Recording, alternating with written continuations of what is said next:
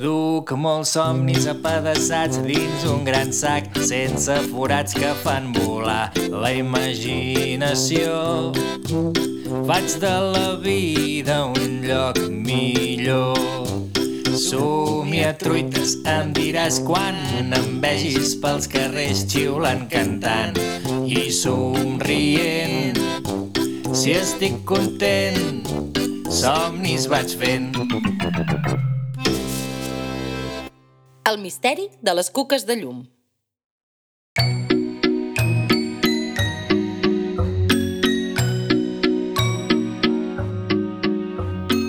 En Somiatruites estava atabalat, molt atabalat.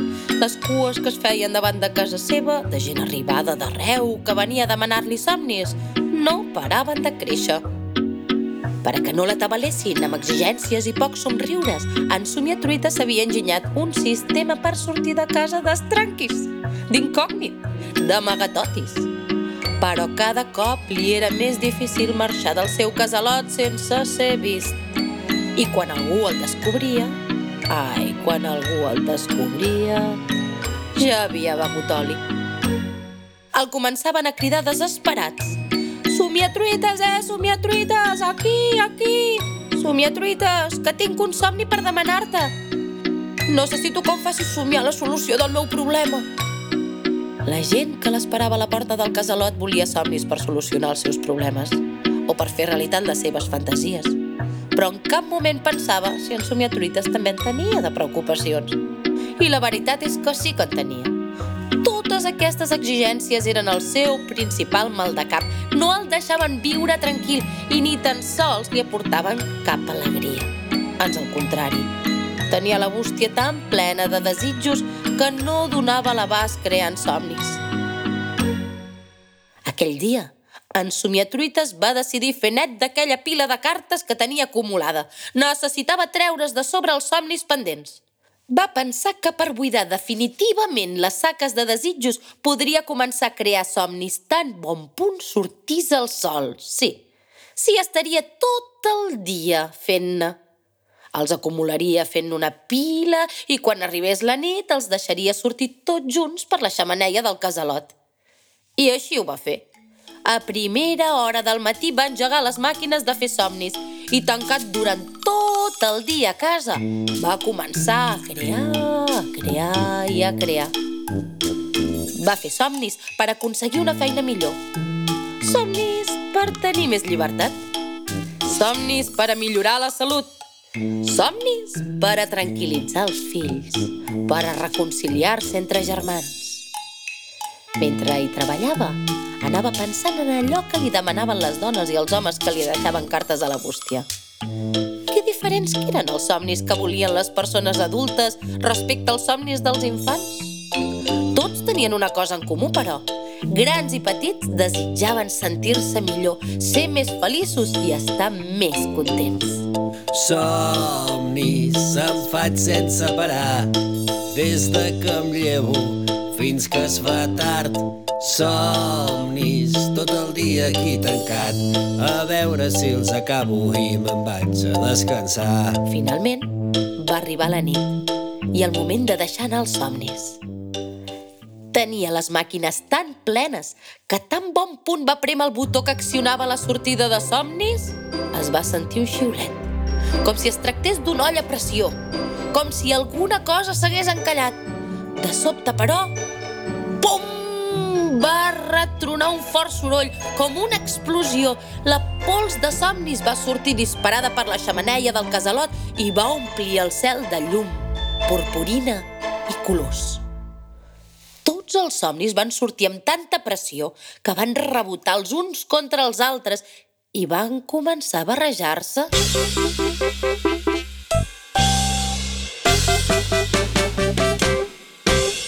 Somni de la Joana va anar a parar amb Màrius.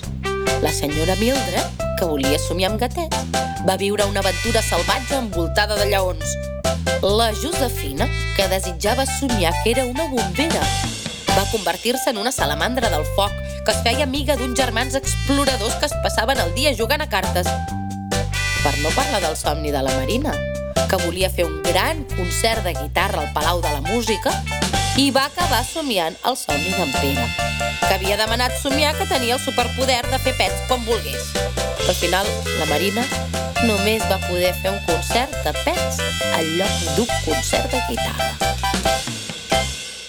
I en somiatruites, en somiatruites ni se'n va assabentar, perquè va ser pitjar el botó que accionava la sortida dels somnis i quedar-se adormit profundament al damunt de les màquines, esgotat de l'esforç.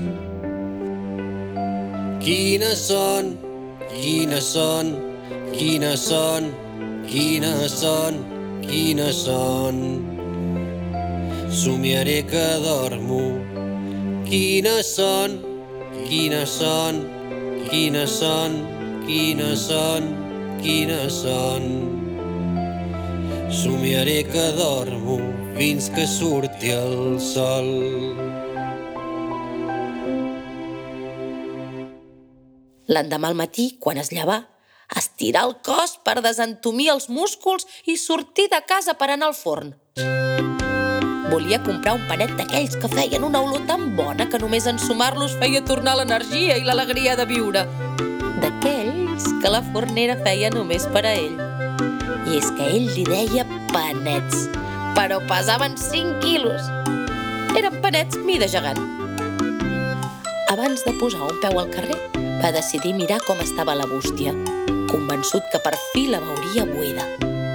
El dia abans l'havia buidada de bon matí i en una sola nit s'havia polit tots els somnis acumulats. Havia fet una feinada de nassos. Però el que va veure no s'ho podia creure. La bústia tornava a estar plena altre cop. Com podia ser? En tan sols un dia s'havia omplert de nou. En somia truites, sense pensar-s'ho ni un moment, i capficat amb la idea de no tenir somnis per fer acumulats, va posar tots els desitjos i les peticions de somnis dins d'un sac i va entrar de nou al casalot. Tornaria a sortir a passejar, a recollir somnis de nens i de nenes somrients, a rebre l'alegria de la gent que estava contenta d'allò que havia somiat.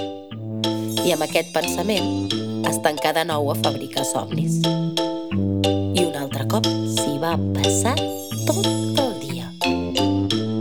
Somnis em faig sense parar des de que em llevo fins que es fa tard. Somnis tot el dia aquí tancat a veure si els acabo i me'n vaig a descansar. Quan va arribar la nit, tenia les màquines de crear somnis plenes a vessar. I tan bon punt va prémer el botó que accionava el canal de sortida de somnis, es va sentir de nou un xiulet, xiu, com si es tractés d'una màquina de tren a vapor, i després un so xordador, i la pols de somnis va sortir disparada per la xamaneia del casalot. El cel es va omplir de llum, purpurina i colors. I com havia passat la nit anterior, hi havia tants somnis i van sortir a tanta pressió que van xocar els uns contra els altres i van començar a barrejar-se de nou.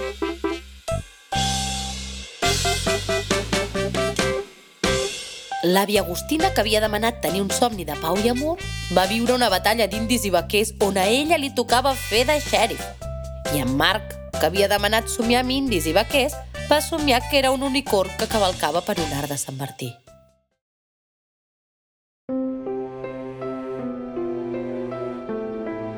Després de la feinada, el gegant també aquest cop s'havia quedat ben adormit. Quines són, quines són, quines són, quines són, quines són. Somiaré que dormo. Quines són, quines són, quines són, quines són, quines són. Somiaré que dormo fins que surti el sol. No va adonar-se tampoc que els seus somnis s'estaven barrejant i anant a parar qui no tocava. L'endemà al matí, quan es va llevar, el primer que va pensar va ser en el panet que l'estava esperant al forn. Ja li semblava sentir l'olor de pa acabat de fer. S'endelia i va sortir decidit. Però va mirar la bústia I altre cop estava plena. Com podia ser?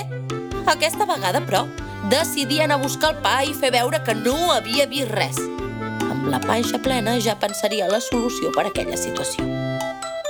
Amb dues gambades es planta al forn, comprar el panet, l'olorar... Mm, va fer-li una queixalada i gairebé se l'acaba d'un sol mos.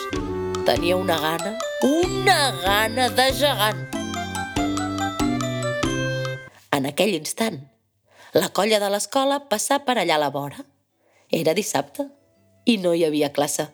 Aquella canalla xerrava apassionadament sobre un fenomen paranormal que en Naur assegurava haver vist la nit anterior. Us asseguro que ahir a la nit vaig veure com el cel s'omplia de cop d'un estol de cuques de llum que volaven descontrolades i xocaven les unes contra les altres. Quan xocaven deixaven anar unes espurnes de colors com si fossin petits focs artificials. Aquelles cuques van sortir volant i van desaparèixer en un tres i no res. Segur que si busquem bé trobarem cuques de llum pel terra, que jo vaig veure com volaven. Oh, el meu pare fa dues nits també va veure una cosa semblant, va dir l'Àreu. Estava tornant de treballar del parc de bombers i va veure com el cel s'omplia de llums i colors. Ell va pensar que eren focs artificials. Deien que sortien de casa d'en Somiatruites o d'allà a la vora. Però potser eren les cuques de llum que tu vas veure ahir. En Somiatruites va parar l'orella. Parlaven d'ell? En veure'l, la canalla s'hi acostà i li explicaren la història de les cuques de llum i la dels focs artificials. En Somiatruites no sabia de què li parlaven i els va dir que prou enfeinat estava creant somnis com per a posar-se a llançar focs artificials. El misteri de les cuques de llum li semblava molt interessant. Li encantaven les cuques de llum, però havia de tornar cap a casa perquè li esperaven un parell de sacs plens de desitjos per convertir en somnis. La canalla va acomiadar en Somiatruites, però abans que marxés, en Naur va tenir una idea. Somiatruites, ens podries fer un somni per a tots? Un somni en el que siguem cuques de llum? En Somiatruites va dir que sí, una mica d'esma, sense saber massa bé a què deia que sí. Estava cansat i angoixat. Tenia el cap emboirat i les forces li fallaven. Va somriure sense energia i va seguir el camí cap a casa. La colla de l'escola va continuar amb el joc d'investigació i anaren a la cerca de les cuques de llum caigudes. Mentre les buscaven per tots els racons del poble, no paraven d'imaginar històries per trobar l'explicació d'aquell fenomen paranormal i tan espectacular que hi havia hagut al cel aquelles nits. Quan es van acomiadar, van quedar d'acord. A la nit, abans de dormir-se, tots mirarien per la finestra a veure si veien de nou els focs artificials o les cuques de llum. Mentrestant, en Somiatruites estava tancat al casalot, absort en la feina, capficat en poder buidar les saques de cartes d'una vegada per totes. Creava somnis com xurros, a mansalva. Ja portava buidades una saca i mitja. Havia creat 250 somnis d'amor, 40 somnis milionaris, 10 somnis de pau i 5 somnis de bicicletes vermelles. Tot just vesprejava i encara li quedava mitja saca de desitjos per crear. Les forces començaven a fallar-li i se sentia cansat, molt cansat. Just quan creà l'últim somni, en el moment de pitjar el botó que accionava la sortida de la pols de somnis, es quedà profundament adormit. I us podeu imaginar el que va passar, oi? Se sentia un xiulet, com si es tractés d'un crit de sirena, i després l'explosió i el cel s'omplí de llum, purpurina i colors. I com havia passat les nits anteriors, hi havia tants somnis acumulats que van rebotar els uns contra els altres i van començar a barrejar-se. Quan aquest esclat de llums il·luminà el cel damunt del casalot d'en Somiatruites, tota la colla de l'escola estaven mirant des de les finestres i balcons de les seves habitacions. Uau, uau, uau! Van al·lucinar! En Naur i l'Àreu tenien raó. Semblava un esclat de focs artificials que sortia de la xamaneia del casalot d'en Somiatruites i un estol de cuques de llum es repartien pel cel. Quina passada! Tot plegat va durar poc menys d'un minut i abans que aquella canalla pogués avisar els seus pares, el cel ja tornava a estar fosc i aquelles llums que semblaven cuques havien desaparegut. Nerviosos, aquella colla d'infants no sabien què fer. Es van començar a trucar per telèfon els uns als altres. Ho has vist, Naur? Sí, Alba, que bestiareu! I ara què fem? Van quedar que el millor que podien fer era provar de dormir, que en Somiatruites els hauria preparat un somni de cuques de llum. L'endemà es trobarien i en parlarien perquè estava claríssim que aquell esclat de color sortia de casa d'en Somiatruites. Mentrestant, el gegant dels somnis dormia esgotat damunt les màquines del casalot, sense assabentar-se de res del que estava passant. Ni tan sols sospitava que una cosa així pogués succeir. Ah, i no va recordar que els infants li havien demanat un somni un somni de cuques de llum. El que passa l'endemà? Ai, el que passa l'endemà. Mereix ser explicat en un capítol sencer. Així que aquesta història continuarà. Somia, somia de valent, aquí no hi ha límits, ves fent i desfent.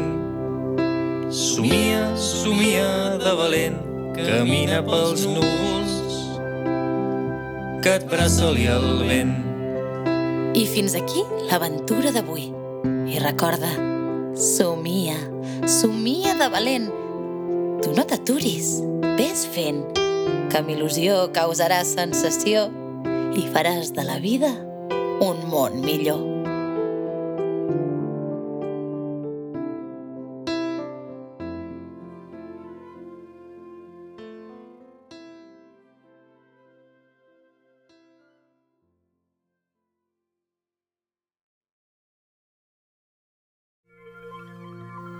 Et quedes amb nosaltres una estoneta més? Perquè ara és l'hora de crear la teva pròpia història.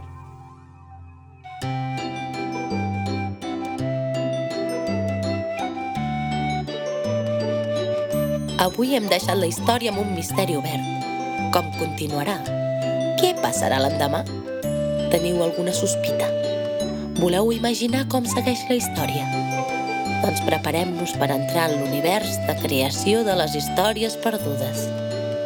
Ens caldrà relaxar-nos profundament i deixar que la imaginació voli lliurement. Ens enlairem? Som-hi! Inflem el globus de la panxa agafant aire pel nas i el traiem pel nas una vegada. Una segona vegada agafem aire pel nas i el traiem pel nas altra volta. I una tercera vegada agafem aire pel nas i el traiem pel nas un altre cop. Ara sí que ja estem preparats per imaginar el que podria ser que succeís l'endemà.